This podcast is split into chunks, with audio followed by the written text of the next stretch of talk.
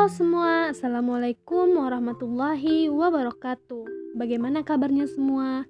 Semoga masih dalam keadaan sehat walafiat ya Di tengah pandemi corona saat ini. Dan semoga puasanya juga tetap lancar Walaupun Ramadan kali ini berbeda dari Ramadan biasanya. Tetap semangat dan tetap beribadah meski harus di rumah. Baiklah, saya akan memperkenalkan diri saya dulu saya Dita Aulia Triandini, BP 19 10 86 10 17. Nah, di sini saya juga tidak sendirian nih.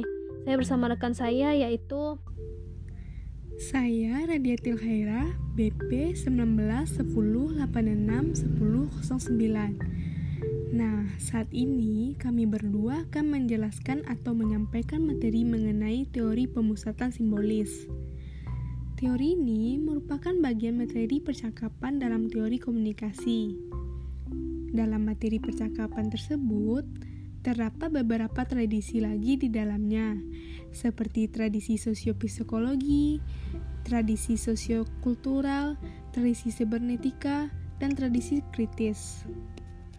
Nah, benar sekali Ayah, yang akan kita bahas di sini yaitu tradisi sosiokultural. Di dalam materi percakapan tadi, Tradisi sosiokultural ini terdapat lagi nih beberapa teori. Salah satunya ya teori pemusatan simbolis. Oke, langsung saja kita akan menjelaskan apa itu tradisi sosiokultural. Menurut pemahaman kita, setelah yang kita pelajari selama satu semester ini, sosiokultural itu merupakan salah satu teori komunikasi yang menunjukkan cara pemahaman kita terhadap suatu makna, norma, peran, dan peraturan yang dijalankan secara interaktif di dalam komunikasi. Tradisi ini juga menjelaskan bahwa realitas dibentuk melalui proses interaksi di dalam kelompok, baik itu kelompok masyarakat maupun kelompok budaya. Maksudnya tuh, dalam sebuah kelompok kita melakukan proses interaksi. Nah, interaksi inilah yang akan menciptakan berbagai macam realitas. Iya Dita, seperti yang kita katakan tadi, tradisi sosiokultural ini juga terdapat beberapa teori di dalamnya.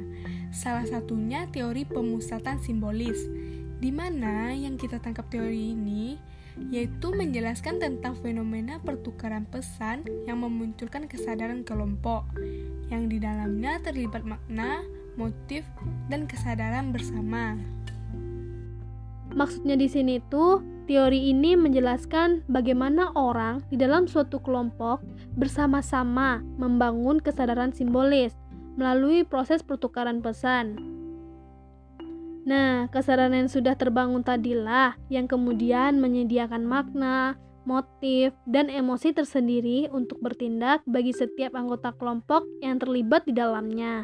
Makanya, teori ini termasuk ke dalam tradisi sosiokultural. Dan juga, teori ini memiliki anggapan dasar bahwa setiap anggota kelompok yang melakukan pertukaran fantasi dalam rangka membentuk kelompok yang kohesif. Nah, fantasi yang kami maksud di sini juga bisa berupa keterbukaan kita sesama kelompok, ide-ide baru, candaan, gurauan, dan sebagainya, sehingga dapat memicu terjadinya interaksi yang baik. Sampai di sini paham kan semua? Biar lebih jelas lagi, bagaimana kalau kita kasih contohnya dalam kehidupan sehari-hari nih ayah? Oke Dita, sebagai contoh dalam kehidupan sehari-hari, biasanya kita belajar kelompok nih, dengan tugas yang begitu banyak dan deadline-nya yang mepet. Tentulah semua anggota kelompok serius mengerjakannya, ya kan? Dan pastinya suasana pun ikut tegang ya kan? Namun, tiba-tiba ada teman lain tuh yang bercerita kalau dia baru mendapatkan uang dan cerita pun akan terus berantai. Hal inilah yang akan dapat merubah suasana serius menjadi tidak tegang lagi. Karena adanya saling berbagi fantasi ini, kohesi dalam kelompok pun juga akan semakin terbentuk. Lalu, apakah ada kaitan teori pemusatan simbolis ini pada kasus pandemi corona saat ini? Iya, tentu ada. Nah, terlebih dahulu akan dijelaskan oleh rekan saya Dita.